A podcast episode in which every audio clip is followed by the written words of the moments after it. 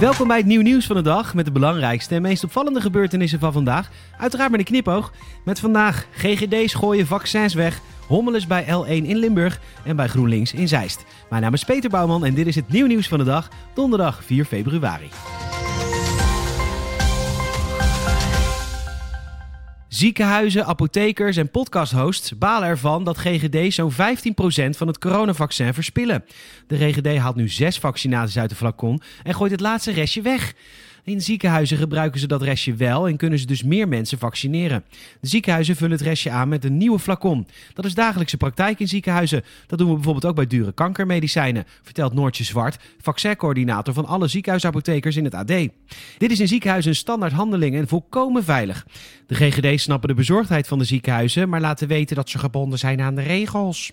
De koepelorganisatie van de GGD's meldt dat het RIVM en de Inspectie Gezondheidszorg Jeugd hen ten strengste verboden hebben om het middel te mengen.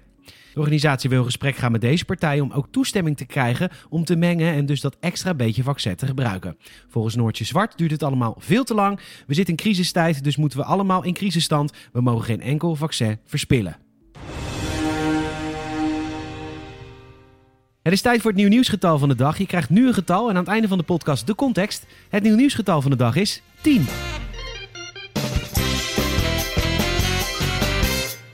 Hoewel de overheid het coronavaccin niet wil verplichten, is het wel mogelijk dat je dadelijk een heleboel dingen niet meer mag als je niet gevaccineerd bent. De Gezondheidsraad adviseert namelijk dat het bedrijven, scholen en horeca in de toekomst is toegestaan om mensen te vragen naar een vaccinatiebewijs. De Gezondheidsraad heeft dit advies vandaag gestuurd naar minister Hugo de Jonge van Volksgezondheid.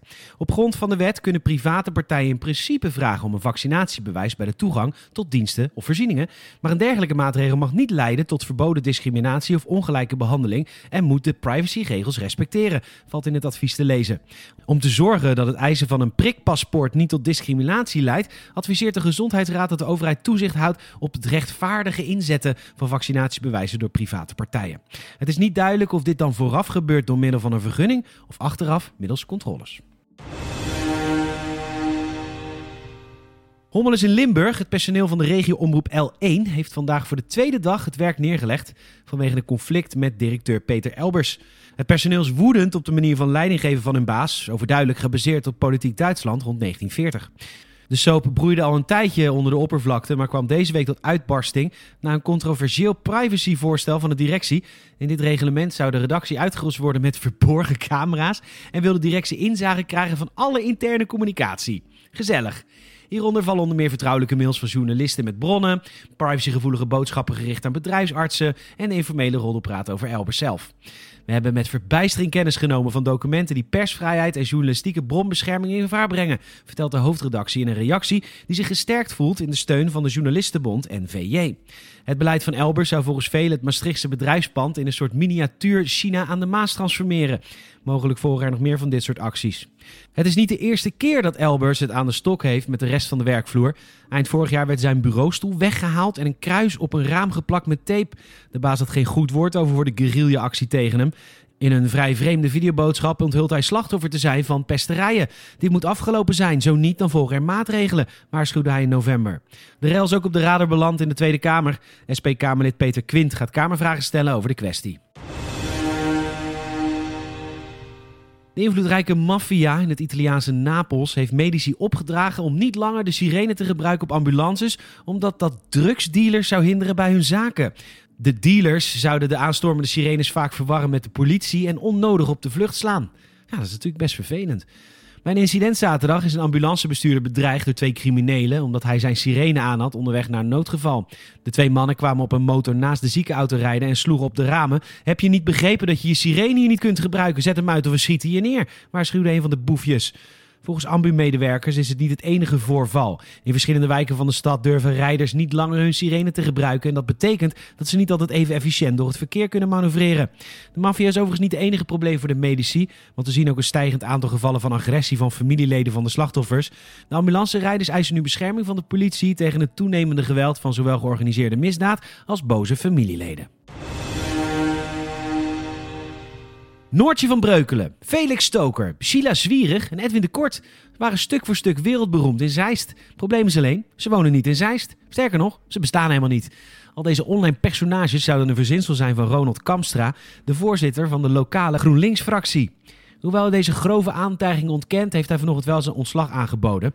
Volgens het Utrechtse Nieuwsblad bleef het niet alleen maar bij profielen die ingezet werden bij discussies. Noortje van Breukelen, een vlotte blonde dame van 36 lentes jong en een kat en een mening.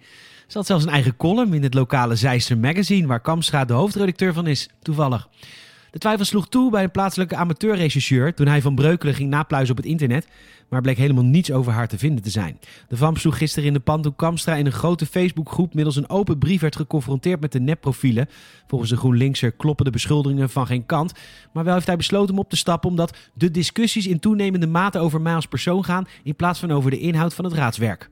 Het partijbelang zou hierin zwaarder wegen dan zijn persoonlijke belang. En ook gebeurde er na het publiceren van de open brief iets bijzonders met de nepprofielen. Die waren opeens voetsie. Maar dat kan natuurlijk ook gewoon toeval zijn. Het is niet bekend wat Kamstra, als dat wel zijn echte naam is, bezielde om een Facebookgroep met zo'n 10.000 onschuldige inwoners van Zeist jarenlang om de tuin te leiden met zijn katvissenkwartet. Ook is het nog steeds niet bekend of Zeist wel echt bestaat.